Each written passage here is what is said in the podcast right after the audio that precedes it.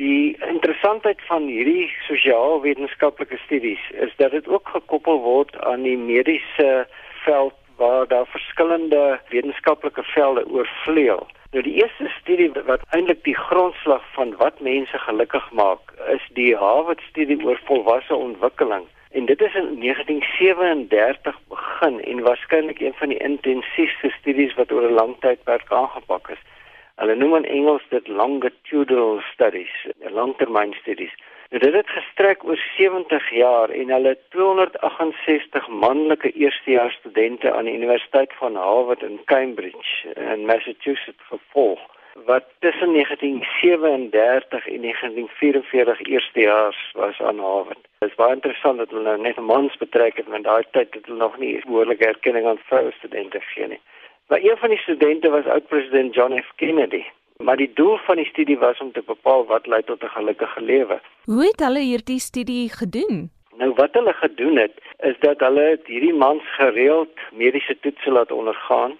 Hulle het ook iets om hulle sielkundige welstand te bepaal laat doen. Hulle het gereeld vraelyste ingevul en daar's gereeld onderhoude met hulle oor die verloop van 70 jaar met hulle gevoer of ten minste met die van hulle wat nog geleef het. Dit het hulle betrokkenheid by die Tweede Wêreldoorlog ingesluit, hulle loopbaan, hulle huwelike, hulle verhoudings, hulle verbrokkeling van verhoudings, finansiële welstand. En die meeste van hulle het die enkele faktor wat die meeste tot hulle geluk bygedra het, geïdentifiseer as 'n goeie sosiale gesins- en vriendskapskring. Nie rykdom, geloof in een of ander godheid of ander faktore kon vergelyk word met die geluk wat 'n sosiale vriendekring of gesinslewe kon bring nie. Maar dis nou 'n baie spesifieke groep mense. Dis mense byvoorbeeld wat gestudeer het by universiteit en so aan. Is daar later ander studies gedoen wat dalk 'n wye rekwyte gehad het van die tipe persoon wat hulle ondersoek het? Ja, inderdaad, daar's talle studies daarna gedoen. Ek het net vinnig gaan kyk op PubMed. Daar's byvoorbeeld studies gedoen tussen 2002 en 2016 'n studie in 2002 in die Journal of Personality and Social Psychology. Nou hierdie is almal vakjoernale wat ek gaan noem. Hulle het aan verbruikers gevra wat maak hulle die gelukkigste as hulle iets aankoop. Nou dit die, die verbruikers het oor 'n breë spektrum van klasse verskille gegaan. En die studie het bevind mense wat ervaringsaankope doen. Ervaringsaankope is jy gaan op 'n reis of 'n vakansie of jy woon 'n konsert by. En hierdie mense wat ervaringsaankope gedoen, was veel gelukkiger as mense wat materiële aankope gelys het.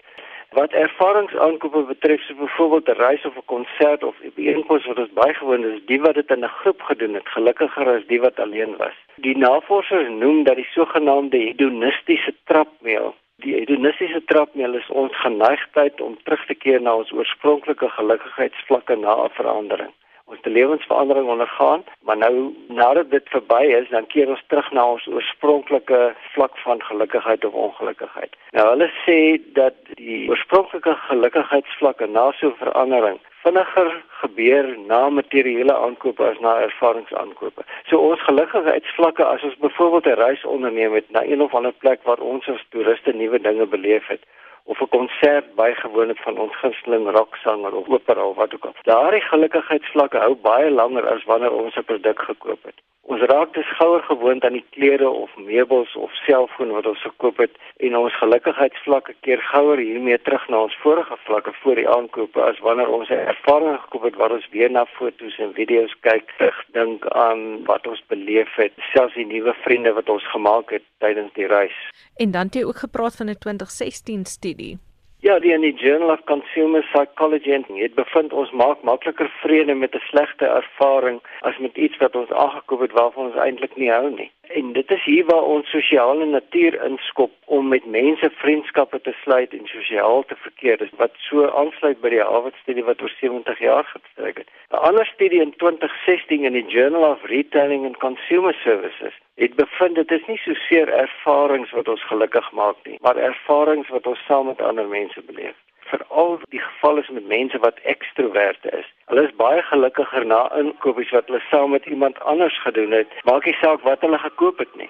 As jy nou van ekstroverte praat, 'n studie in die vakjoernaal Psychological Science het in 2016 bevind dat ekstroverte gelukkiger is as hulle geld spandeer waar hulle 'n drankie sit en drink saam met ander mense, terwyl introverte meer gelukkig was wanneer hulle geld in 'n boekwinkel spandeer. So dis 'n baie interessante verskynsel hoe introverte en ekstroverte geluk verskillend beleef.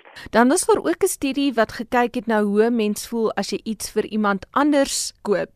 Wat het dit bevind?